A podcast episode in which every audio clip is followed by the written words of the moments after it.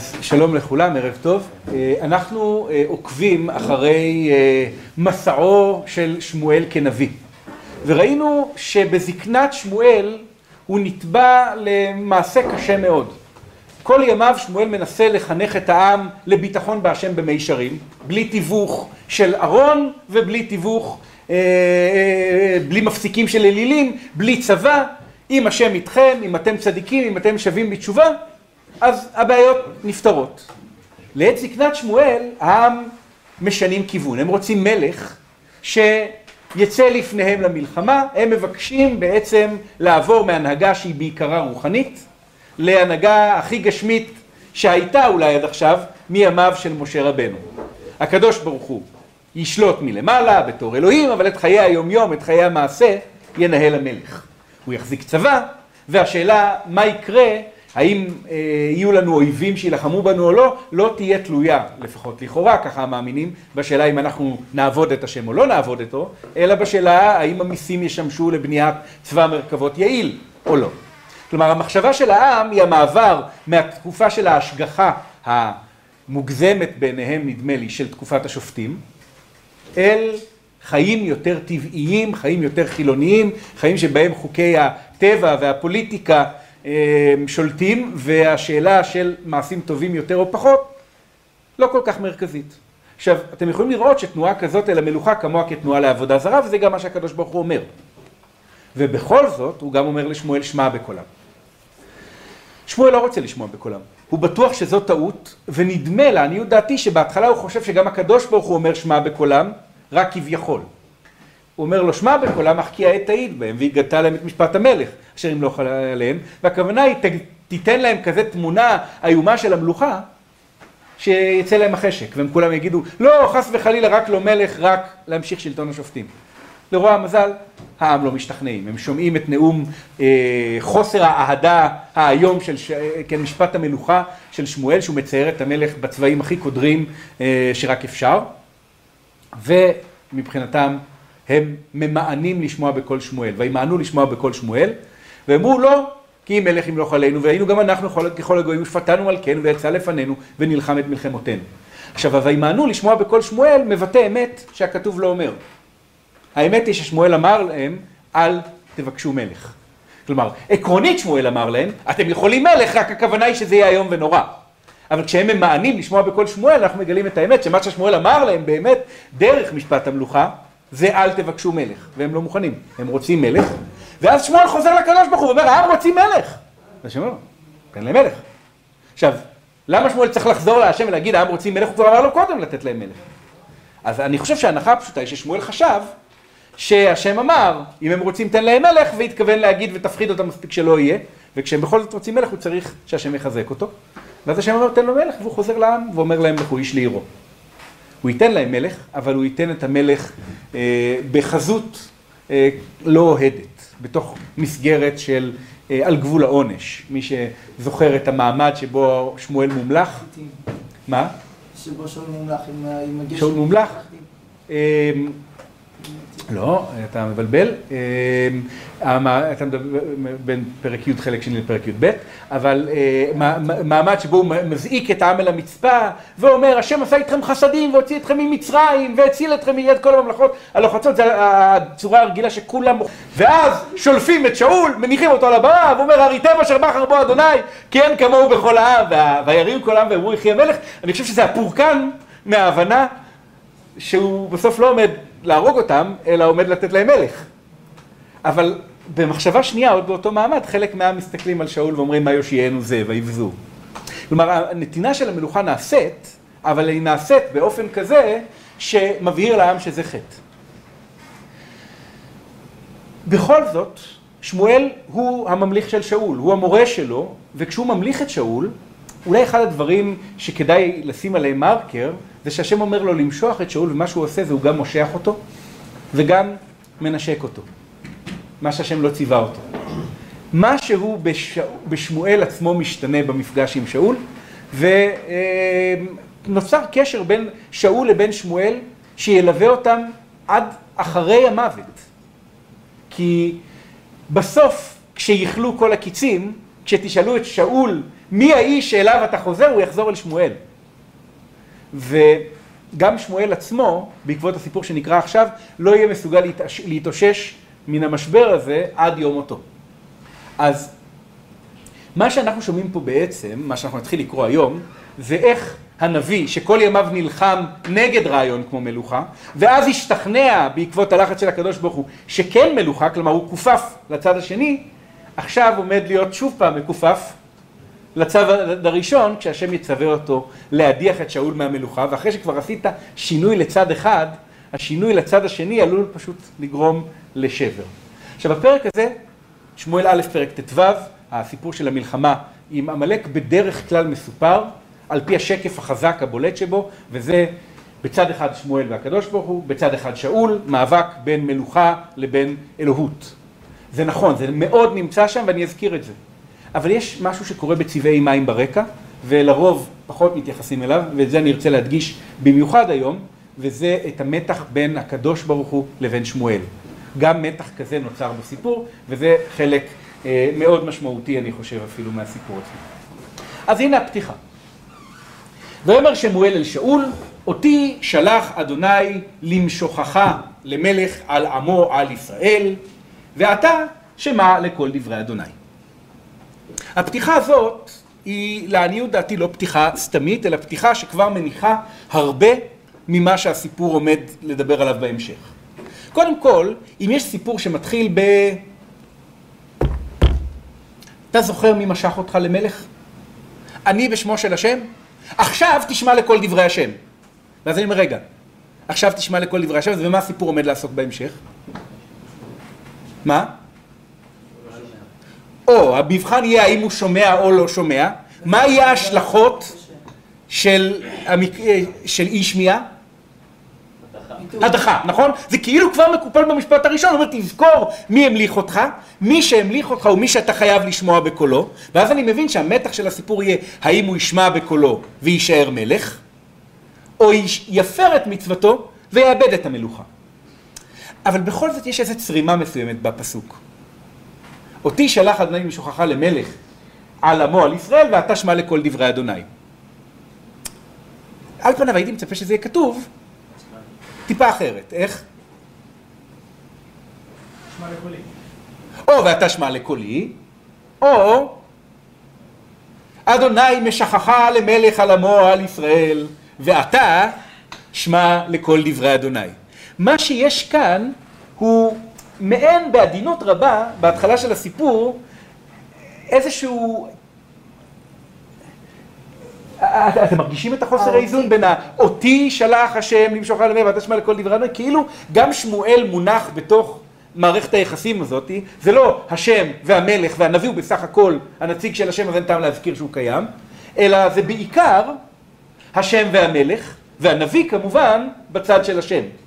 אבל הוא כאילו קצת אה, אה, אה, קצת חספוס על העץ, ואפשר לדמיין בקלות איך כשמשייפים את העץ, אם ייווצר איזשהו, אתם יודעים, כאילו קטע שאתה נתקע בתוך העץ ונוצר פיצול, הוא יקרה במקום ההוא. אז אנחנו עוד נראה בהמשך שהסיפור עוסק בעיקר, כמובן, בהמלך ששוכח מי המליך אותו ולא שומע בקול השם ומבוסר שהוא מאבד את המלוכה, אבל גם קצת בשאלה של המקום של שמואל בתור השליח של השם כלפי שאול. בסדר? אתם... עכשיו, כל זה אני חושב מקופל בפסוק הראשון. כמובן, יותר קל לטעון שהוא מקופל בפסוק הראשון כשאנחנו יודעים את ההמשך של הסיפור, אבל... אבל זה באמת, זה תבנית שאנחנו מכירים מהרבה דברים. כשאנחנו שומעים, לא יודע מה, מעשה מהאבדת אה, אה, בת מלך, אתה צריך לא לישון, אנחנו יודעים שהסיפור יספר על המאבק, האם הוא ישן או לא ישן, ורוב הסיכויים שהוא ישן ויאבד. כשאומרים, זה, זה התבנית, ככה הסיפורים בנויים. טוב. הציווי. אמ, פקדתי את אשר עשה עמלק לישראל אשר שם לו בדרך בעלותו ממצרים, אתה לך והכית את עמלק ואחרמתם את כל אשר לו ולא תחמול עליו.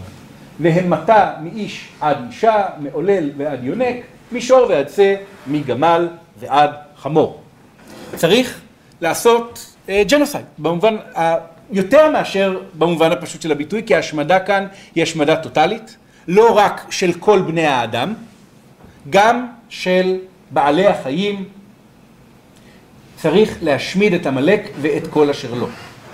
עכשיו, מה הרקע לסיפור הזה? אז בסוף הפרק הקודם, בסוף פרק י"ד, אני שומע ששאול מתייצב כמלך.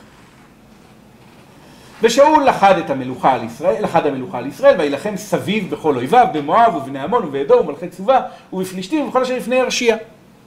ואז, אחרי שדיברנו על כל אלה שהוא נלחם בהם, פתאום ויעש חיל ויח את עמלק ויצל את ישראל מיד שוסהו. כאילו עמלק מופיע בנפרד מהקודמים, וזה כנראה רומז לסיפור שלנו. עכשיו, בציווי על עמלק בספר דברים נאמר כך: והיה בהניח אדוני אלוהיך לך מכל אויביך מסביב, כמו וילחם סביב בכל אויביו, בארץ אשר אדוני אלוהיך נותן לך נחלה לרשתה, אז אתה צריך למחות את זכר עמלק. ובעצם, אני חושב שזה הרקע, סוף פרק י"ד אומר לנו, שאול מכה את האויבים האחרים מסביב, הגיע הזמן לעמלק, ובוודאי שהציווי הזה של ספר דברים עומד ברקע של הציווי של השם כאן. זכור את אשר עשה לך עמלק בדרך בצאתכם ממצרים, אשר קרחה בדרך, פקדתי את אשר עשה עמלק לישראל אשר שם לו בדרך, בעל אותו ממצרים. לפקוד ולזכור הם ביטויים נרדפים, והשאר זה כמעט אותו, אה, אותם המילים. אה, עכשיו כאן לא מסבירים מה הוא בדיוק עשה, אבל פה אנחנו יודעים שויזנב בך כל הנחשלים אחריך ואתה עייף ויגע ולא ירא אלוהים. עכשיו השאלה כמובן איך קוראים את המילים ולא ירא אלוהים. אה, לשונית יש פה שתי אפשרויות. אפשרות אחת להגיד אתה עייף, אתה יגע, אתה לא ירא אלוהים. או קריאה שנייה, שהיא בעיניי הנכונה, אבל זה רק עניין של הכרעה אה, פרשנית, זה לא עניין של הכרעה לשונית, כלומר אין דרך ודאית לדעת. זה ויזנב בך כל הנחשלים אחריך ולא ירא אלוהים. כלומר, עמלק הזה היה מן המנוולים הגדולים, אין יראת אלוהים בקרבו, וכיוון שאין יראת אלוהים בקרבו, הוא אפילו לא נלחם נגדך, אלא הלך אל המסכנים, הלך אל החלשים, הלך אל החולים, זינב בהם והרג אותם. אתה היית עייף, אתה היית יגע, ועמלק הזה, כיוון שאין יראת אלוהים בקרבו, אה, ניצל את ההזדמנות הזאת בשביל להכות במסכנים ובעלובים. עכשיו, למה השמדה כל כך טוטאלית? כי המצווה שקיבלת היא תמחה את זכר עמלק מתחת השמיים. למחות את זכר עמלק זה להכות אותו מאיש ועד אישה, מעולל ועד יונק, מישור ועד צמי, גמל ועד חמור. עכשיו, כשאומרים לי, ואחרמתם את כל אשר לא ולא תחמול עליו, אני מיד שואל את עצמי, בשביל, בשביל מה נאמר לי ולא תחמול עליו? אין זאת אלא שהסיפור עומד לעסוק במתח שבין חרם לחמלה. כלומר, בשביל זה מכפילים. אם לא נאמר ולא תחמול עליו, אתה עלול לחמול, נכון? זה הסיפור, לפחות כמו שאני מבין אותו. וכמובן, אף אחד לא יופתע לגלות שבאמת אה, המתח הזה יופיע בהמשך הסיפור. רמזים מתרימים, אתה לא יכול לדעת את זה, רק אחרי שקראת את כל הסיפור. בוודאי. כלומר, כש, כשאתה קורא את זה, אז אתה אומר, מדגישים כי הוא צריך לא לחמול. כשאתה מגלה אה, שהוא לא חומל, אתה אומר, זה בדיוק הנקודה. ובמבט ראשון, הדברים נראים טוב. ויח את עמלק, ויח שאול את עמלק מחבילה בואכה שור אשר על פני מצרים. ויח שאול את עמלק, זה כמו שלך והכיתה את עמלק. ויתפוס את הגג מלך, ישראל, מלך עמלק חי, יש פה איזו התלבטות איך להבין את העניין הזה, שאלה אם הוא תופס אותו חי כדי להשאיר אותו חי או לא, אבל על פניו אתה מרגיש, לא, אני חושב רוב הקוראים מרגישים שלא בנוח, כי אמור להיות כאן והמתה. אבל אז מגיע ואת כל העם מחירים לפי חרב, כמו ואחרמתם את כל אשר לא. כלומר, נראה שהוא עשה טוב, ואז נראה שאולי הוא לא עשה טוב, ואז שוב נראה שהוא עשה טוב. אבל לפעמים... אבל, ויחמול שאול והעם על הגג, חזרנו אל הגג שנמצא פה, ועכשיו אני, מה שקודם התלבטתי אם זה טוב או רע, אז נהיה לי ברור שזה רע, כי ויחמול הגג, אז אני אומר, זה בדיוק מה שנאמר קודם, רק הפוך, ולא תחמול עליו. ואחרמתם ולא תחמול, החרימו וכן חמלו. והחמול שאול והעם על הגג ועל מיטב הצאן והבקר והמשנים, המשנים זה אולי אה, סיכול יצורים של שמנים ועל הכרים ועל כל הטוב ולא אבו החרימם. וכל המלאכה נמבזה ונמס כנראה הבזויה והנמאסת אותה החרימו. כלומר, מה יש כאן איזושהי היטלטלות בתוך הפעולה. הם לא לא עושים את מה שהשם עשה, והם לא כן עושים את מה שהשם עשה, את מה שהשם אמר, אלא בערך. את מה שהם עושים הם עושים, ואת מה שהם לא עושים, הם לא עושים. עכשיו, אמרנו, חיובי, שלילי בעדין. חיובי, חיובי, כן, במובן, אני מתכוון של לשמוע לכל השם, בכל זאת זה קשה, ואז שלילי, כן, אבל פה השלילי נהיה בצורה מאוד בוטה, ואז שוב, אותה החרים הוא חוזר כאילו אל החיובי. כלומר, זה מטלטל בין מה שהם עשו למה שהם לא עשו, ובתמונה הסופית הם עשו מה שהם רצו. כלומר, החרימו את מה שהם רצו להחרים, ולא החרימו את מה שהם לא רוצים להחרים, אלא חמלו. עכשיו, צריך לומר משהו על השורש חמל. הבעיה שלמילים יש, בוא נגיד, השאלה מהי משמעות של מילים נראית בעינינו בעולם שיש בו מילון כשאלה פשוטה. פשוט, המשמעות של מילה אחת היא מילה שנייה. הבעיה שלמילים אין בדיוק משמעות אחת. למילים יש הרבה מאוד פעמים איזשהו מרחב מסוים, איזשהו ענן מסוים של משמעויות שהן יכולות להתאים אליהן. והמילים הנרדפות הן הרבה פעמים מילים שיש התאמה גדולה בין ענן המשמעויות של זה לענן המשמעויות של זה. עד כדי שאפשר להחליף, אבל לא תמיד, לא במאה אחוז, לא עם אותו צליל וכן הלאה. עכשיו, המילה לחמול בשפה שלנו קשורה אל הרחמים. ונכון, זה גם נכון בעברית המקראית, אבל למילה לחמול יש גם עוד משמעות, שהיא משמעות קרובה קצת. זה לא ההתכווצות של הלב כשאתה רואה את המסכן שנערף למשל, אלא ההתכווצות של הלב כשאתה רואה את המשהו הטוב שמקולקל. אתה רואה למשל, אני לא יודע מה, שדה חיטה יפה, באה קבוצת מטיילים וטראח, הולכת על השדה ומועכת את החיטה. הרגש שמתעורר לך בלב הוא גם חמלה בעברית המקראית. כלומר, חמלה במשמעות של הכאב על הבזבוז. עכשיו, איך אפשר לראות משחק של המשמעויות האלה? אני אזכיר לכם את ה... אם דיברנו כאן על החטא של שאול, נדבר על החטא של דוד. בא נתן, בדיוק, למשל כבשת הרש, ואומר, ויחמול לקחת מצונו ומבקרו. ויקח את כבשת האיש הרש ויעשה אל האיש ובא אליו. כלומר, הוא חמל לקחת מצונו ומבקרו, כאילו חבל לבזבז כזה. מה, סתם להרוג כבשה משלי? בוא ניקח משל האיש הרש.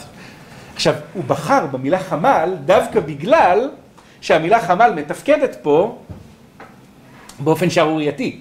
דוד מרגיש את זה כשהוא זועם ואומר, בן מוות האיש העושה את זאת, ואת הכבשה ישלם ארבעתיים עקב אשר עשה את הדבר הזה, ועל אשר לא חמל. הוא אומר, כאילו הוא חמל על הכבשה שלו, אבל הוא באמת לא חמל, כי הוא לקח את כבשת האיש הרש. עכשיו, זה לא שנתן בחר את המילה הלא נכונה, אלא שנתן בחר בדיוק את המילה שהוא רצה לבחור. כזאת שמבטאת את החמלה של העשיר שהיא בדיוק לא חמלה במובן האחר של הביטוי. עכשיו גם כאן המילה חמלה היא קצת טריקית. כי כשאני שמעתי את הלהמית ולא לחמול, אם הייתי שואל אתכם על מה, אם יש לי את הציווי, ואחרתם את כל אשר לא ולא תחמול עליו, ואם אתה מאיש ועד אישה מולד ונהנג משור ועצם מגמל ועד חמור, והייתי שואל אתכם איפה החמלה יכולה להיוולד? תמיד מה הדוגמה שנותנים על, מיש... על החרטת עמלק? תמיד אומרים, ילד, בדיוק ילד, עמלקי, קטן, מסכן, חמוד. עכשיו אתה אומר, למה אתה אומר לי ילד, למה אתה לא אומר לי מלך, עמלקי, ככה שמן ומפואר? לא, לא, עליו אני מבין למה לא חומלים, בסדר, אבל על הילד אתה לא חומל? עכשיו, זה מעניין כי זה במפורש, אם, אם זאת החמלה שהתכוננו אליה פה, אז הלב שלהם נשאר אטום. אין להם אה, חמלה לא לכאב הנשים ולא לכאב הילדים ולא אה, אה, לצאן הרכות שצריכים שיחמלו עליהם. ויחמול שאול והעם על הגג, המלך, ועל במקביל מיטב הצאן והבקר והמשנים ועל הכרים ועל כל הטוב, הם חומלים על הצאן השמנות. תחשבו על יחזקאל, מאיפה זה יוצא שם, ל"ד, אני כבר לא זוכר, המשל של הרועים, כן, ש... והוא אומר, שם השם מדבר על זה שאת השמנה וזה הוא ישמיד, אראנה במשפט. הם חומלים על השמן. הם לא חומלים, הם לא אומרים, מסכנה כבשה כל כך שמנה, חבל שהיא תמות, מה היא חטאה. הם אומרים, כבשה שמנה, מה סתם להרוג ולזרוק לפח, כואב הלב. בואו נעשה ממנה על האש. אולי, כן, לא כתוב פה מה הם רוצים לעשות איתה, אבל על פניו זה מה שהיינו אומרים כאן. עכשיו, אתם רואים איך שאול מסכן, הוא נגרר אחרי העם, לא הייתה לו ברירה. לא, אה, לא, לא, אני לא רואה את זה, נכון. כתוב לי ויחמול שאול והעם. על פניו, ויחמול שאול והעם, אמ, הוא הניסוח הרגיל. אני אנסה להסביר למה אני מתכוון. אם היה כתוב, ויחמלו העם ושאול, הייתי אומר, למה מזכירים את העם לפני המלך? אין זאת אלא שהמלך נגרר אחרי העם. אבל כשמזכירים את העם אחרי המלך, זה הצורה הרגילה. עכשיו, נכון, שאם היה כתוב לי ויחמול שאול, זה, הייתי חושב שאולי גם העם חומלים ואולי לא, אני לא יודע. כשכתוב לי ויחמול שאול והעם, זה אומר שהעם הם גם חלק מהמשחק. אבל מי שעומד בראש הוא שאול. ויש כאלה שמפרשים את הפסוק אחרת, אני רק אגיד שאומרים ויחמול שאול והעם על הגג ועל מיטב הצאן והבקר, ויחמול שאול על הגג והעם על מיטב הצאן והבקר. אבל אני על פניו לא הייתי אומר את זה. אבל אני לא אמרנו שזה מניעה שכאילו הוא רוצה לשמור את הכבשים, איזה אינטרס יש להם לשמור את המלך? כאילו מה מה זה עוזר להם? שלם. תחשוב אה, על תחילת ספר שופטים. כן? זה שיש לך 70 מלכים קצוצי בעונות ידיים ורגליים מלקטים אוכל תחת שולחנך, אומר שאתה המלך. כן, לזה, אבל שאני אומר, אבל מספיק גם הראש בספר שופטים. מה? בספר שופטים גם מספיק הראש של אה, שליט. לא, מה זאת אומרת? להחזיק גם חיות של מלכים, שאתה אה, מראה לכולם שאתה המלך דרך, תראו איפה יהויכין נמצא. זה, זה איום כאילו לעמים אחרים. זה איום לעמים אחרים, זה כבוד לך, כל פעם שאתה מסתכל על מי שהיה פעם מלך, שהיום עושה לך, מצחצח לך את הנעליים, אתה באמת מלך. כי אני ממציא מה שלא כתוב. כי צחצח את הסנדלים התנ"כיות, לא את הנעליים כמובן.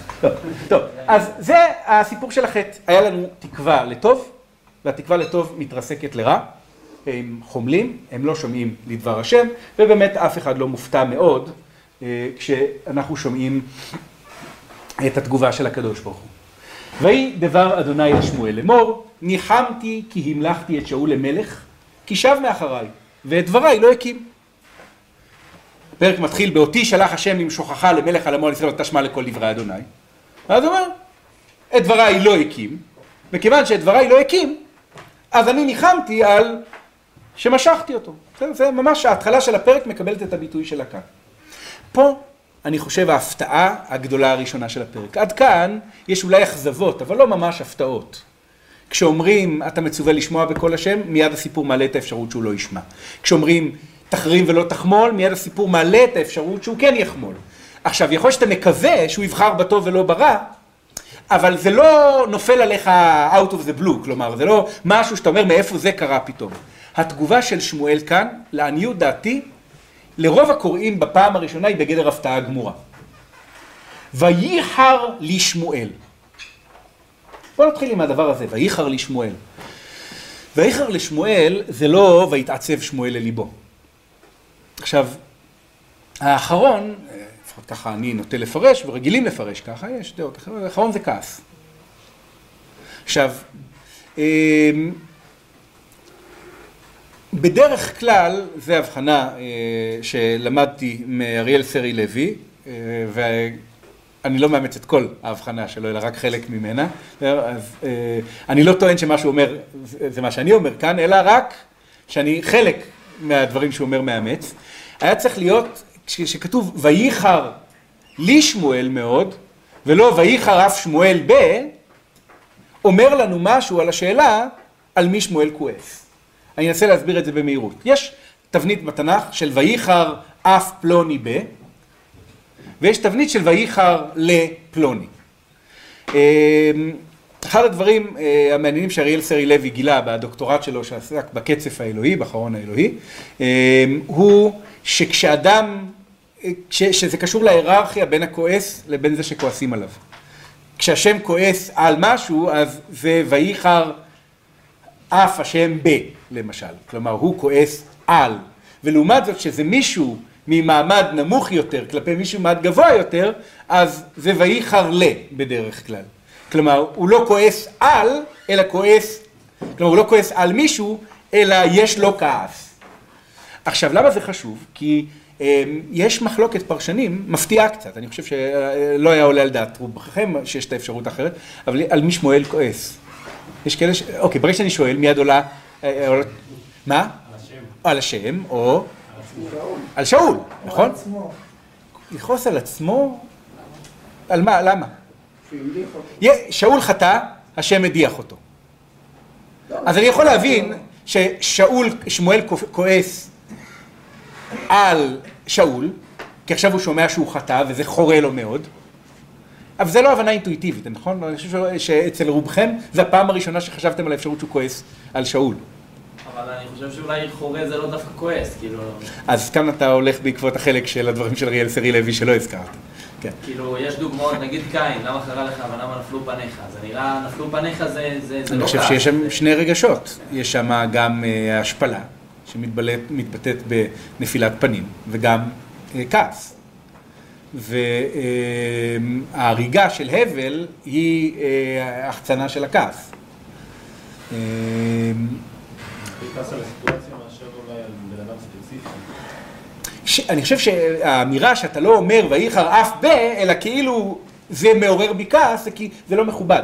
אתה לא יכול להגיד ויחר אף משה בהשם נגיד, זה לא... אבל ויחר אף השם במשה זה אפשר. זה באמת גם כתוב, בסדר? אבל אתה יכול להגיד ויחר למשה מאוד. כאילו, עכשיו למה זה חשוב? כי זה אומר לדעתי שהפסוק הזה מתאר את הכעס של שמואל על הקדוש ברוך הוא כביכול. כי אם זה היה על שאול, אז היה כתוב ויהי חרף שמואל. למה למה נתת לי להמליך מלך? אם אתה גם ככה לא אוהב אותו? או למה אתה אומר לא, למה- למה- להדיח לא? לא, לא, לא רוצה להדיח אותו. הוא אומר, אה, ניחמתי כי המלכתי, ובעצם אה, מה שמשתמע בדברים זה הוא מודח. אה, אבל לא בטוח ששמואל הוא ברמה מתחת, כאילו רמה מעל שאול. יכול להיות שמואל הוא דווקא רמה מתחת בזמן מסוים. אה, אולי, כן, זה גם לא עובד במאה אחוז מהמקרים. ויחר לשמואל ויזעק אל אדוני כל הלילה. כלומר, שמואל לא רק שהוא לא שמח על מה שנאמר לו, זה מעורר בו כעס. וזה שזה מעורר בו כעס, זה אומר ששמואל אולי גם לא מזדהה עם העניין הזה. ופה, מה שאמרנו שהוא מאוד עדין בפסוק א', שיש את השם ויש את שמואל ואתה מרגיש כאילו הם לא, כאילו, אם הייתי שואל אתכם, למה כתוב אותי שלח השם למשוך למלך אמר ישראל ואתה שמע לכל דברי אדוני? הייתם אומרים, זה בא להגיד שבעצם אין שום הבדל, השם שמואל הם נמצאים בדיוק באותו מקום. אבל עצם העובדה שהיינו צריכים לטרוח להגיד את זה, זה כי משהו בניסוח רמז שיש הבדל. ופה אנחנו מתחילים לראות את, את הפער. כי בהדחה, שמואל והקדוש ברוך הוא כבר לא רואים את הדברים עין בעין. ויחר לשמואל ויזעק אל אדוני כל הלילה. מכאן אני מבין שההתגלות הייתה בלילה, והוא לא יכול לעשות שום דבר בלילה, כי לא יוצאים למסע בלילה. אז מה שהוא עושה כל הלילה זה זועק אל השם. מה הוא מקווה שיקרה לכאורה? שהשם יחזור בו. שהשם יחזור בו מ... מה- זה שהוא חזר בו. שאול. כלומר שהשם ינחם מן ההנחמות. אבל, וישכם שמואל לקראת שאול בבוקר. כאן אנחנו רואים איך נראה הנביא הנאמן. מה זאת אומרת? כל הלילה הוא זועק כי הוא לא מזדהה. בבוקר הוא לא מעכב. מזדהה, לא מזדהה, וישכם שמואל לקראת שאול בבוקר. שוטף פנים ויוצא ויוצא לדרך, כי יש לו משימה, והמשימה שלו היא להדיח את שאול מן המלוכה. טוב, זה, יש כאן דילוג של כמה פסוקים, ויבוא שמואל אל שאול, אני בעמודה אה, הימנית מבחינתכם, אה, ויבוא שמואל אל שאול, וכאן קורה דבר מופלא. שמואל מגיע, ואני מניח שבוערת בליבו אש איומה של מה שהוא יודע שקורה, והוא לא מספיק להגיד מילה. ויאמר לו שאול, ברוך אתה על אדוני, הקימותי את דבר אדוני. עוד לפני שהוא מספיק לדעת שאומר, אה, תבורך להשם, כי אני הקמתי כרגע את הציווי שהשם ציווה. עכשיו, פה עולה מחלוקת מאוד מעניינת וגדולה, אה, שאנחנו אולי עוד נרחיב עליה טיפה בהמשך, ביחס לשאלה מה הנביאים יודעים. כלומר, האם ש- ש- שמואל יודע את כל הסיפור, או ששמואל יודע רק את מה שהשם אמר לו. כלומר, הוא לא רואה נסתרות, אלא השם מגלה את אוזנו. שנייה. אם נוכח במרובה, הרי שהוא יודע מי חמל ועל מה חמל ומה היה בדיוק. ואם נוכח במועט, בכל מקרה דבר אחד הוא בוודאי יודע, וזה שהוא לא לא הקים את דבר השם. כי זה ללא ספק כבר נאמר. כלומר, ודבריי לא הקים, ובמין אירוניה עלילתית, שאול לא מבין שהוא חוזר על דברי השם, אבל בהפך. הקימותי את דבר אדוני. שמואל שומע את זה, והוא מגיב בסרקזם, אבל אולי סרקזם שגם נוגע לזה שהוא מנסה להבין מה בדיוק היה החטא. כלומר, השאלה הגדולה היא מה שמואל יודע, כמו שאמרנו. זה אומר שמואל ומה כל הצאן הזה אשר באוזניי, וכל הבקר אשר אנוכי שומע. עכשיו, יש כאלה שמהדרים לקרוא פה, כמו שאתם יודעים, ומה כל הצאן הזה אשר באוזניי. עכשיו, זה כמובן תלוי בשאלה האם אה, צאן עושות מה. אה, זה נכון שצאן מסוימות עושות מה, זה תלוי באיזה ספר, כן, אבל... אה, אבל הן גם עלולות לעשות ב... וכל מיני צלילים אחרים. אז אני לא יודע. אה, כמובן זה עובד לא רק פה, אלא גם כשדוד למשל מתוודה על חטאו, ואומר, הנה אנוכי חטאתי ואנוכי הביתי ואנוכי פשעתי, אה, אה, אה, תהי נא ידך אביהו ובית אבי ואלה הצאן. עשו, זה יפה, זה עובד, כן. אה, אבל אה, אני, לא בטוח שפה זה יותר מאשר וורט, אבל זה וורט נחמד. אז שמואל שואל, אה, מתוך חוסר אמון לפחות, ואולי אפילו בסרקזם ממש, אתה זוכר, והמתה מאיש ועד אישה, מעולל ועד יונק, משור ועד שא, מגמל ועד חמור, ומה כל הצאן הזה אשר באוזניי, וכל הבקר אשר אנוכי שומע. עכשיו, זה מעניין, כי איך הסיפור התחיל? מה הייתה התביעה משאול? שמע לכל דברי אדוני. אומר שמואל, איזה קטע, אתה אומר שהקימות את דבר השם, אבל אני שומע, לא, ש... כלומר, לא ששמעת בקול אדוני, אלא אני שומע קול של צאן וקול של בקר. זה מה שאני שומע. שזה לא בדיוק לשמוע בקול השם, אלא אם כן הבאת את זה מהבית. אומר שאול, אומר שאול, אה, על הצאן והבקר אתה שואל, איזה קטע, מעמלקי הביאום. אשר חמל העם על מיטב הצאן והבקר, למען זבוח לאדוני אלוהיך, ואת היותר, החרמנו. מצוין? עכשיו, תראו את הניסוח, זה פשוט ניסוח לא יאומן. מהמליקי הביא אום, הוא אפילו לא אומר על מי הוא מדבר, הוא זורק את הצאן והבקר כל כך רחוק ממנו, שרק בפסוקית הבאה אנחנו נבין מי זה ההביאום. אומרת, אתה שואל מה יצא לנו בבקר, באמת שאלה טובה. הם הביאו את זה מהמלא. מי זה הם? אשר חמל העם על מיטב הצאן והבקר. וגם, כאילו, אל תקפיד עליהם יותר מדי על העם, הם עשו את זה ככלות הכל, למען זבוח להשם אלוהיך. אתה לא יכול לראות כמובן רע בזה, שהעם את הצאן השמנות לוקחים בשביל לזבוח להשם אלוהיך, אתה בטח מבין איפה האינטרס של הקדוש ברוך הוא מונח בסיפור הזה. כלומר, יש כאן איזשהו מין ניסוח שהוא קצת מטריד, נכון? ואת היותר, איך הרמנו? אה, אם אתה שואל איפה אני בסיפור של המלחמה בעמלק, כאילו הרי אם הם הביאו, הם חמלו למען זבוח לשם, אה, ואת היותר איך הרמנו? היה את החלק הטוב של הסיפור, וגם אני הייתי עם העם בו, כשהרגנו את השאר. עכשיו, עד כמה זה תיאור מדויק? ויחמול שאול והעם על הגג ועל מיטב הצאן והבקר ועל משנים והקרים ועל כל הטוב ולא אהבו אחרימם. וכל המלאכה נבזה ונמס אותה איך הרימו. על פניו אני לא מוצא פה הבדל בין שאול לבין העם. קשה לומר שהם החרימו כדי לסבוח להשם, כי לפחות מכאן, ה"ולא אהבו אחרימם" לא מושך לכיוון של אמרו אפשר לעשות מזה קורבנות, זה נשמע יותר כמו אפשר לעשות עם זה, כן טוב. אוקיי. אז יש פה לכאורה פער בין מה ששאול טוען שקרה לבין מה שכתוב שקרה. עכשיו השאלה שעולה כמובן היא האם שאול משקר כשהוא טוען שהעם חמלו. אז כנראה שתלוי את מי אתם שואלים. בתרגום ה-70 למשל, כתוב ויסוב הרכב וירד הגלגל אל שאול, כן, שמואל מגיע ככה אל שאול, זה התיאור, והנה הוא מעלה עולה לאדוני ראשית השלל אשר הביא מעמלק. ואז, אם זה היה כתוב, אז כולם היו מסכימים שהעם חמלו, וזה גם לפחות הולך להשם. אבל בנוסח המסורה זה לא כתוב.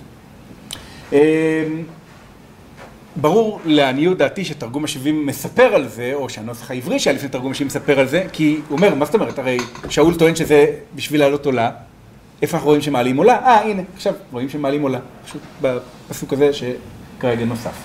אברבנאל רואה בדברי שאול שקר. גם ראוי למלכים שידברו אמת ועוולה לא יימצא בשפתותיהם. ושאול אמר דברי שקר לשמואל הנביא אשר חמל העם ויקח העם, וזה היה שקר, שהוא לקחו ולא העם. מה? אברבנאל. כן, כן, אברבנאל לא מאוהב במלכים, בוא נגיד בעדינות. והוא הכיר מלך אחד או שניים בשביל אה, לפתח חוסר האהדה עמוק למלוכה גם במקרא, מתברר. אמ, בוא נאמר שהוא בין השאר שירת כשר האוצר של פרדיננד ואיזבלה, מלכי ספרד המהוללים של גירוש ספרד. אז אמ, למרות שאת הפירוש הזה הוא כתב לפני שהוא הכיר אותם, או לפחות לפני שהוא עבד אצלם, אה, אבל אחרי שהוא ראה את אה, חסדם של מלכים אחרים. פרנק פולק מציין, הוא אומר יש פה בעצם מין סתירה, נכון? ראינו שכאן כתוב ששאול והעם חומלים, וכאן כתוב שהוא אומר שהעם חמלו. אז הוא אומר כך, כאשר הדובר בשר ודם, תלויה סמכותו במעמדו בסיפור.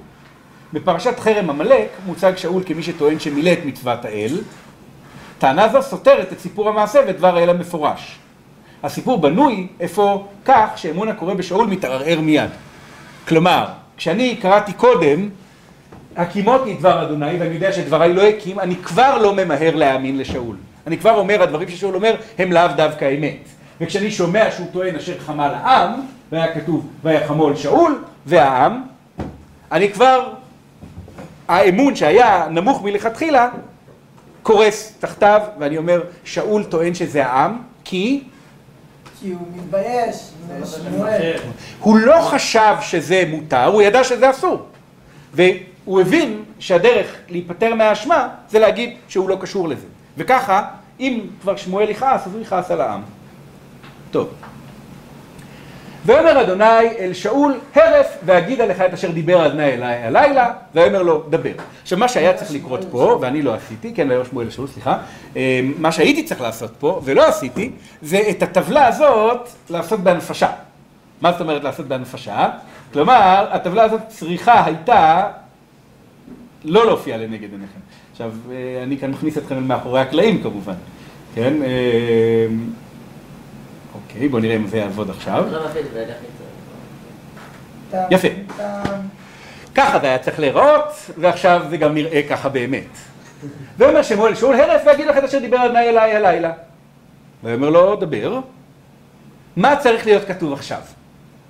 טבלה עם שני עמוד או לא? מה צריך להופיע עכשיו? הדיבורים של שמואל, מה הם יהיו? מה יהיה כתוב שם? אתה לא מלך. בדיוק, אתה מודח. השם ניחם כי המליך אותך למלך על ישראל, כי שבת מאחריו ודבריו לא הקמת. זה הרבה מקום בשביל משפט אחד כזה. כן, בגלל הטבלה. ניחשתם נכון. ואומר שמואל אל שאול, הלא אם קטון אתה בעיניך, ראש שבטי ישראל אתה. ואם שכחה אדוני למלך על ישראל. וישלחך אדוני בדרך, ויאמר לך ואחרמת את החטאים, את עמלק ונלחמת ועוד כלותם אותם. ולמה לא שמעת בקול אדוני ותעת אל השלל, ותעה שרה בעיני אדוני. זה לא מה שהשם אמר לו להגיד, לכאורה. כאילו שמואל בא, אומר, הרף, כלומר תפסיק עם הדיבורים האלה על העם וחמלו וזה, אני רוצה להגיד לך מה השם אמר, ואז פתאום, כאילו יש חזרה צעד אחד אחורנית. במקום להגיד לו, אתה מודח, מה, בוא נשאל רגע, למה הוא אומר לו, הלא אם קטון אתה בעיניך ראש שבטי ישראל אתה, מה זה קשור? סליחה.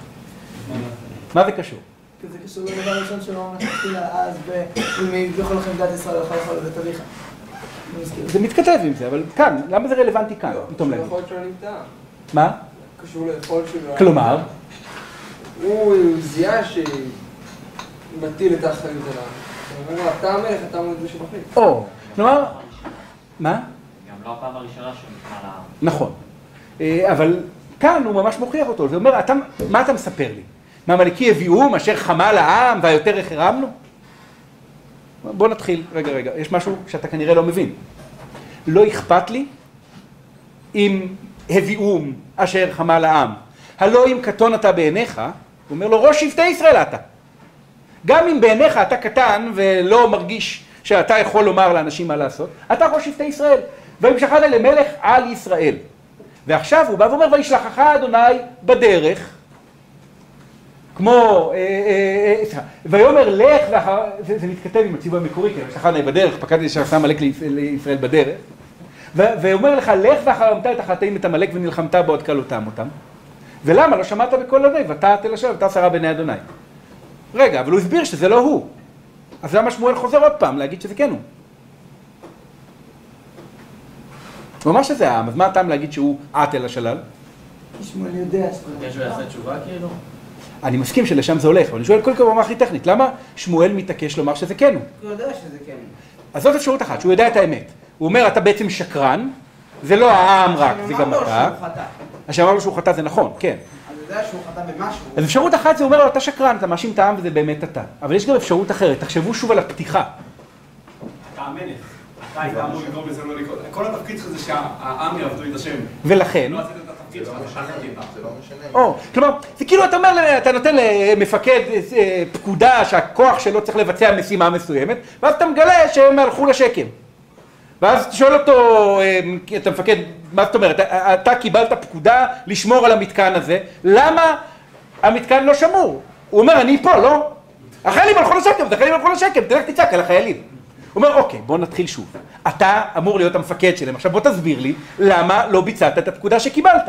כלומר, נראה כאילו שמואל מנסה, מה הוא מנסה לעשות? שהוא פותח ואומר, אתה ראש שבטי ישראל, ואז הוא מאשים אותו מחדש, מה הוא בעצם מנסה ל... מה?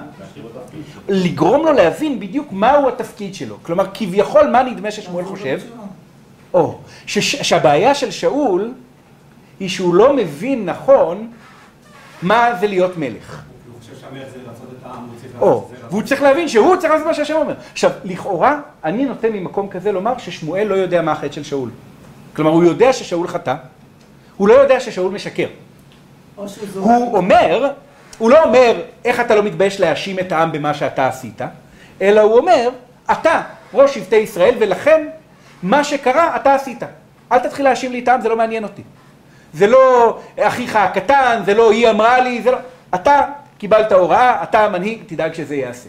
או שהוא זורם עם הסיפור של אה, שאול. כן, זה כן. די מוצלחת הרבה פעמים. בהחלט יכול להיות גם כן, זה לא ראייה חד משמעית. טוב, עונה שאול, ויאמר שאול אל שמואל, עכשיו, לפי הסדר של הדברים, בסדר, נקרא את זה רגע לפי הסדר, ויאמר שמואל לשאול, שאול לשמואל, אשר שמעתי בקול אדוני, ואלך בדרך אשר שלחני אדוני, ואביא את הגג מלך עמלק ואת עמלק, החרמתי, ויקח העם מהשלל צאן ובקר ראשית החרם לזבוח לאדוני אלוהיך בגלגל. שמואל, אה, שאול לא מקבל את האשמה של שמואל, אבל הוא מעמיד משפטים מול משפטים. אתה אומר לי, וישלחך אדוני בדרך? ואני אומר לך, ואלך בדרך אשר שלחני אדוני. הוא אמר פעמיים כאילו, אלוהיך, מה? של האלוהים של. מהמם. לא, כאילו, כביכול, מה אתה מאשים אותי, זה האלוהים שלך. כאילו, אני לא בטוח שזה המשפט, עוד רגע אני אגע בזה, בסדר? אה, זו- זאת שאלה, הערה שטוב שהערת. אתה אומר לי, והחרמת את החטאים את עמלק? אז הוא אומר, ואביא את הגג מלך עמלק, ואת עמלק החרמתי. למה הוא מזכיר פה את הגג? שאלה טובה. מלך המלך, הוא לא אומר חי אבל, הוא לא אומר חי. אבל ואת עמלק החרמתי, כי השם אמר לי, ואחרמת את החטאים את עמלק. וישלח אחד בני בדרך, וילך בדרך, ואחרמת את החטאים, את עמ- את עמלק, את עמלק החרמתי. ולמה לא שמעת בקול אדוני? אשר שמעתי בקול אדוני, לא נכון. אה, ותעת אל השלל? אני עטתי אל השלל? קודם כל זה לא היה להוט, לא הייתה שם התנפלות. ויקח. לא אני, אלא העם. לא אל השלל, אלא מהשלל. בואו נדבר על מה קרה באמת. זה לא אני, זה לא העם, זה לא התנפלות חסרת הבחנה על כל השלל, אלא מתוך השלל נלקח בהבחנה. ותעש הרע בעיני אדוני? חס וחלילה, לא הרע בעיני אדוני, אלא לסבוח לאדוני. מה יכול להיות יותר טוב בעיני השם מזה שיסבחו לו? אוקיי, עכשיו למה הוא אומר לאדוני אלוהיך? אז כל, זה, זה לא מבטא את הניכור של שאול מהקדוש ברוך הוא חס וחלילה, אלא שם השם נקרא לנביא במיוחד, וכשמדברים עם נביא הרבה פעמים מדברים, או עם כהן, מדברים על השם אלוהיך. תחשבו על מקרא ביקורים אפילו. הגדתי היום לאדוני אלוהיך כי באתי אל הארץ. כן. אה, זה לא ניכור שלו, אה, של מי שבא לתת ביקורים לקדוש ברוך הוא, אלא כבוד אל הכהן ששם השם נקרא עליו במיוחד, גם כאן. אבל כמובן, כשהוא אומר, השם אלוהיך מרוויח מזה, הוא בעצם מנסה לרמוז לשמואל שהוא אמור לתמוך בזה, ולא להתנגד. האם התוכחה ראש שבטי ישראל עתה, עבדה או לא עבדה? ממש לא. ממש לא, הוא אומר, זה העם, זה לא, אני, אני לא קשור לזה. וגם העם בכוונה טובה, אל תכעס על העם יותר מדי. אוקיי. אבל מתגלה פה, אה, טוב, אז מה צריך לקרות עכשיו? עכשיו ההדחה. לא. לא בדיוק, כלומר. ואומר שמואל, החפץ לאדוני בעולות וזבחים, כשמוע בקול אדוני? הנה שמוע מזבח טוב, להקשיב מחלב אלים. כי חטאת קסם מרי, ואבן וטרפים הפצר, יען מאסת את דבר אדוני, וימאסך ממלך. בואו נניח רגע את הפסוקים הקשים האלה בצד וננסה להבין מה כתוב קודם. לא, לא, לא להבין את המילים. זה סינית. לא סינית, זה עברית מקראית, אבל זה כמעט. אה, זה סינאית, כן? זה, אה, זה מתכתב מאוד ברור, נגיד, עם הדברים של בלעם. שגם שם יש מחשבה שאפשר לשמן את הקדוש ברוך הוא בשבעה פרים ושבעה אלים במזבחות שונים, והשם כבר ישנה את דעתו אם מפה ואם משם ואם משם, עד שהוא מבין שלא. עכשיו, למה אומר לו החפץ על השם בעולות וזבחים כשמוע בקול השם? מה- למה הוא צריך לומר את זה כאן עכשיו? אתה צודק וגם, טועה, אני אגיד לך במה זה בין מובן, אתה צודק, ככה תפתח ירמיהו, אתה תמצא את זה נגיד, זה די נדיר בנביאים ראשונים בסך הכל. לא, כאילו, זה לא שזה אין לזה אח ורע, יש, אבל זה... אה, לא אומר את זה לאחר. ולמה הוא אומר את זה כאן, דווקא עכשיו? מה זה קשור? מה כי זאת הייתה הטענה של מה? שאול. זה מה ששאול שאול ענה לו. אה, כלומר, מתברר, כששמואל מקשיב טוב, הוא אומר לשאול, יש שתי בעיות תפיסתיות. בעיה תפיסתית אחת, כבר הוא הוכיח עליה, וזה, הוא לא מבין. לא מבין מה זה אומר להיות מלך. בעיה תפיסתית שנייה, מתברר. הוא חושב שאפשר לרצות את הקדוש ברוך הוא באמצעות קורבן שנעשה נגד דבר השם, והוא לא מבין שדבר השם הוא העיקר, והקורבן לא כל כך חשוב יחסית אליו, כן? אתם, אה, הרי זו טענה שחזרה גם בפעם הקודמת, פה היא שוב, ותעת אל אתה עשרה בעיני אדוני, ויקח העם מהשלל, ראשית החרם, ככה הוא קורא לזה עכשיו, כן, אה, אה, שזה טרמינולוגיה קורבנית בבסיס שלו, לא, אוי, זה נשמע בעברית מודרנית, טרמינולוגיה קורבנית, שפה של קורבן, בסדר? לזבוח לאדוני אלוהיך בגלגל, הגלגל הוא מקום קדוש, הוא מתאים לזבוח, ראשית החרם זה הדבר הנכון לזבוח, וזה אה, אה, מה שהעם עושים. אומר שמואל, כל הזמן אתה חוזר על העניין שזה לזבוח להשם כאילו שזה מצדיק במשהו את אה, הלקיחה של השלל, אבל השם אמר לכם לא לקחת, זה הדבר היחיד שחשוב פה. ולכן, החפץ להשם הוא בעולות וזבחים, כי שמוע בקול השם. הנה שמוע מזבח טוב, להקשיב מחלב אלים. עכשיו, יש כאן גם התכתבות עם... מה? כי זאת שירה. אתה לא שומע? הנה שמוע מזבח טוב, להקשיב מחלב אלים. כי חטאת קסם מרי ואבן וטרפים אפצר, זה, זה תקבולות, פשוט, אה. כן? יען מאסת את דבר אדוני וימסך ממלך. זאת אולי גם הסיבה שהעברית פה היא לא מובנת. כי העברית של השירה היא שפה יותר גבוהה והתחביר הוא תחביר יותר קלוש מאשר של הפרוזה.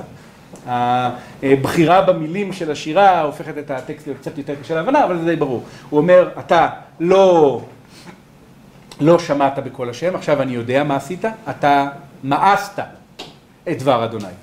והתוצאה, מידה כנגד מידה, וימאסך ממלך. מה הקשר בין למאוס את דבר השם לבין להימאס מלהיות מלך? יש פה מידה כנגד מידה לשונית, אבל למה היא יותר מאשר רק לשון? איך התחלנו את הסיפור? בדבר השם היית מלך, ועכשיו אתה מחויב לשמוע בקול השם.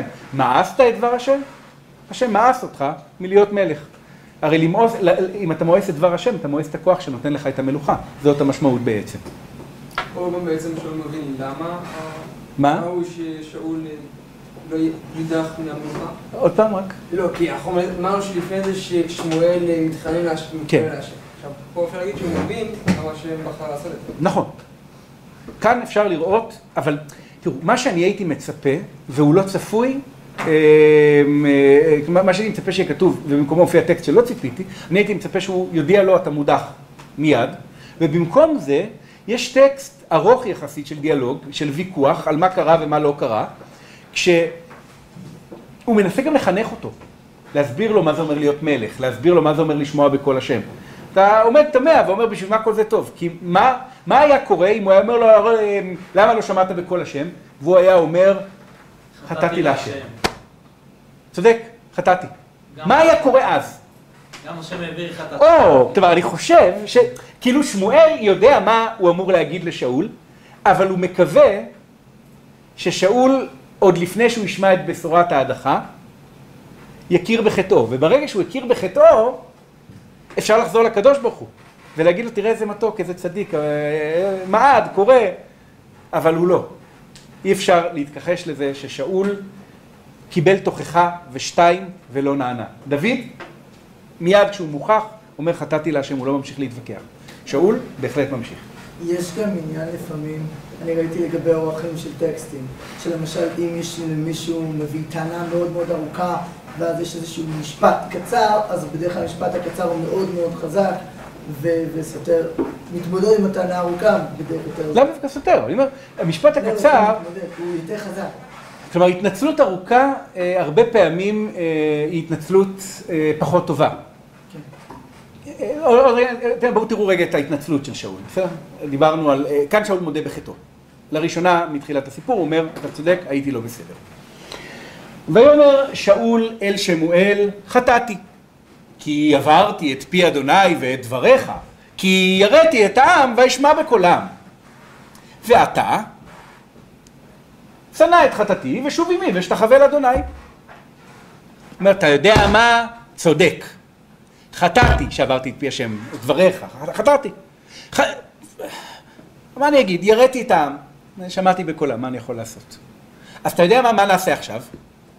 בוא, אתה תישא את חטאתי, זה התפקיד שלך, כלומר, אתה תרים מעליי את החטא שלי, ותשובי ושנינו נשתחווה יפה להשם. נו, איך? פתרנו את הבעיה, הכל בסדר, אתה צודק. רצי, מה רצית שאני אגיד? שחטאתי? חטאתי. עכשיו, אני חושב שאף אחד לא מאוד מופתע אה, מזה שהתשובה של שמואל היא לא אשוב עמך. ויאמר שמואל אל שאול, לא אשוב עמך. כי מאסת את דבר אדוני. אל תגיד חטאתי כי עברתי את פי אדוני, אתה מאסת את דבר אדוני. וימאסך אדוני מהיות מלך על ישראל. עכשיו, מה הבעיה בתשובה של שאול? אז כבר בחטאתי כי עברתי את פי אדוני ואת דבריך, יש כמה מהפרשנים שמרגישים חוסר נוחות מסוים, כאילו שאול לא לגמרי ממהר להניח שמה ששמואל אומר, מה שהקדוש ברוך הוא אומר, אבל הדבר, כאן אני לא יודע. הדבר השני שהוא מאוד בולט זה כי הראתי את העם ואשמע בקולם. זאת אומרת, למה אתה מספר לי את הכי הראתי את העם ואשמע בקולם? אתה מסביר למה חטאת. זה לא שמאסתי את השם, זה פשוט שיראתי את העם ואשמע בקולם, אתה מבין, בנסיבות כאלה, את שואל הייתי בסדר? לא, לא הייתי בסדר. אבל זה לא כאילו שהייתי באמת חוטא. עכשיו, את מבינים, זה קצת כמו אה, אה, ילד לא מכין שיעורי בית, למה לא הכנת שיעורי בית? אה, כי אה, הכלב אכל לי את המחברת. אז המורה אומרת, זה לא מעניין, אם הכלב אכל לך את המחברת, היית צריך למצוא מחברת אחרת ולכתוב בית, שיעורי בית. עכשיו תגיד לי, למה לא עשית שיעורי בית? והוא, אין בעיה, אם אתה לא מבין מה הבעיה, אז אתה יכול להישאר אה, בהפסקה עד שתבין. ואז הוא אומר, את צודקת, לא הייתי בסדר שלא הכנתי שיעורי בית, כי הכלב אכל לי את המחברת. עכשיו, למה אתה אומר את זה? אתה אומר את זה כי אתה רוצה להגיד, האמת היא שאם אתה שואל בסוף, מי, מי, מי החוטאים? העם. אני, אתה צודק, אני גם החוטא, אבל גם קצת הקורבן. יראתי את העם ואשמע בקולם במקום לשמוע בקול השם. שמואל לא מוכן לקבל את זה ואומר לא אשוב עמך כי מאסת, מאסת את דבר אדוני והמסחר אדוני להיות מלך על ישראל ויסוף שמואל ללכת. זהו, נגמר הסיפור. ויחזק בכנף מעילו ויקרא. לכאורה יש פה דו משמעות, למעשה אין פה דו משמעות, הפשט אני חושב די ברור. שאול מנסה לעצור את שמואל מללכת, אוחז בכנף מעילו של שמואל, וכנף המעיל נקרע, ושמואל והמעיל שלו זה סיפור, כן, מתברר. הוא מעיל קטון, תעש אלו עמו ועלתה לו, כן, בקיצור, קריעת כנף המעיל, אפילו כשהוא מת, שמואל עולה, איש זקן שהוא עוטה מעיל. אז קריאת כנף מעילו של שאול, של שמואל, הופכת להיות אות נבואי, ויאמר אליו שמואל קרא אדוני את ממלכות ישראל מעליך היום הזה, ונתנה לרעך טוב ממך. וגם נצח ישראל לא ישקר ולא ינחם, כי לא אדם הוא להנחם. נדבר על זה שבוע הבא. אני, בסדר, אל תשאל כדי שאני לא אצטרך להתנצל לכולם שאני לא עונה. אוקיי, אז כן שאלת, שבוע הבא. זה נכון, זה מוזר. הוא אומר, נצח ישראל לא ישקר ולא ינחם, כי לא אדם הוא להנחם, חוץ מזה שכתוב ניחמתי כי המלכתי את שאול. טוב. נדבר על הבעיה הזאת שבוע הבא, כשנראה שיותר קשה. אבל כרגע, בדקה הזאת, דקה או שתיים שיש לנו, אני רוצה לדבר על מה קורה אחרי שהוא אומר לו, לא, נגמר הסיפור. ויאמר חטאתי. כן? ממשיך ואומר, אתה יודע מה בסדר, חטאתי. אתה כבדני נגד זקני עמי ונגד ישראל, ושוב אם השתחוויתי לאדוני אלוהיך, וישוב שמואל אחרי שאול וישתחו שאול אדוני. ורגע, לא הצלחתי להבין. אז הוא כן חוזר איתו, והם כן משתחווים ביחד. למה בפעם הראשונה הוא לא חוזר איתו, ובפעם השנייה הוא כן חוזר איתו? הוא לא מה? מעשה את חטאתי. אה, כי הוא הוא סוף סוף הודה על החטא. עכשיו, אחרי שחזרת בתשובה, יש מקום להתפלל באמת. אבל גם קודם הוא הודה על החטא. לא, הוא לא יודע... אבל קודם הוא אמר העם, ומה הוא אומר פה? כבדני נא. כבדני נא נגד זקני עמי ונגד ישראל. אתם רוצים להגיד לי שהוא חזר מהחטא? לא. איזה חזר מהחטא? הרבה יותר גרוע. למה שמואל יכול לחזור איתו? מה השינוי הגדול שעליו... ש... הוא לא מבקש לשאת את החטא. בפעם הקודמת הוא אמר, "שא את חטאתי, כלומר, יכופר חטאי, ואיך ההתח- הכפרה בזה ששנינו נשתחווה להשם. עכשיו הוא אומר, עזוב, אתה יודע מה, הסתכסכתי עם הקדוש ברוך הוא, הסתכסכתי. לא יישא את חטאי? לא יישא את חטאי. בקשה אחת בכל זאת יש לי. אל תשפיל אותי מול אל כולם. תשפיל אותי מול כולם, אל תשפיל אותי מול הזקנים, אל תשפיל אותי מול העם, תשתחווה אה, איתי להשם כדי שכולם יחשבו שהכל בסדר. וזה שמואל חוזר ומשתחווה. עכשיו, מה שזה אומר, זה לא שהפעם השנייה היא תשובה יותר עמוקה, אלא שהפעם השנייה היא ויתור גמור על הכפרה ועל התשובה תמורת השואו. כי בסוף שמואל אומר, אם אתה שואל את האמת, אצל מי אני עובד? אני עובד אצל העם. מה שאמרת על הקדוש ברוך הוא זה רע מאוד, קשה לי מאוד, הייתי שמח להיות ביחסים טובים איתו. אם אני צריך להיות מסוכסך עם מישהו, אני מעדיף להיות מסוכסך עם הקדוש ברוך הוא מאשר עם העם. ובזה אה, בעצם שאול מתגלה לא רק כמישהו מעבר לכפרה, אלא גם כמי שלא ממש חותר אליה. כי הוא אמר לו, נצח ישראל לא ישקר ולא ינחם. הגרזן של ההדחה הולך ומתחדד מפעם לפעם ככל ששאול מדבר יותר, כי הוא לא מוכן להינחם. אז בעצם מה שראינו עד כאן הפעם, זה אה, ששאול מראה את עצמו כמי שלא ראוי להיות מלך בדבר השם. כי בסוף, מבחינתו, הוא עובד אצל העם.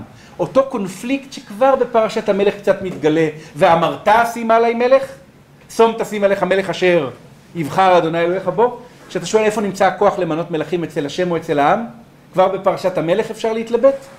גם שאול מתלבט. השם רצה מלך שישמע בקול השם.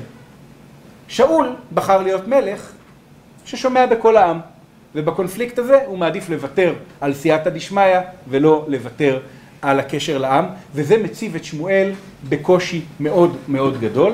אני רק רוצה להראות לכם משפט אחד, שאיתו הסיפור הזה נגמר, בלי ללמוד אותו, אלא רק בשביל לראות עד כמה הקושי הזה עמוק, ולא יסף שמואל לראות את שאול עד יום מותו, כי התאבל שמואל אל שאול. כלומר, שמואל מכאן כבר לא יכול יותר לפגוש את שאול, לא כי הוא שונא אותו, ולא כי לא אכפת לו ממנו, אלא בדיוק להפך, כי האבל שיש לו על מה שקרה כאן עם שאול הוא כל כך עמוק שהוא לא מסוגל להינחם, ואדוני ניחם כי המליך את שאול למלך על ישראל. השם ניחם כבר לא מתאבל. שמואל ממשיך להתאבל עד המוות. אתם זוכרים שהתחלת הפרק הייתה אחדות מושלמת בין השם לנביא? אותי שלח השם עם שוכחה למלך על עמו על ישראל, ואתה שמע לכל דברי אדוני? בהדחה האחדות נשברת לגמרי. השם ניחם, כי המליך את שאול למלך על ישראל, ושמואל מתאבל. להתאבל זה ההפך, באחת המשמעויות של הפועל, מלהינחם. השם ושמואל כבר לא רואים בדיוק עין בעין. אז אתם רואים, עיקר הסיפור הוא השם והנביא מול המלך. אבל גם קורה פה איזה משהו שאנחנו צריכים להעמיק בו יותר במה שקורה בין השם לבין הנביא, שהם כבר לא בדיוק ביחד, ואחת המפתחות זה השורש נחם הזה. השם לא ניחם? אם תשאלו אותו הוא כן ניחם, אבל שמואל טוען, וגם נצח ישראל לא ישקר ולא ינחם, כי לא אדם הוא להינחם. אז מה הפתרון לתעלומה הזאת של המתח בין השם לבין שמואל? בעזרת השם נדבר על זה בשבוע הבא. תודה. עד יום מותו זה.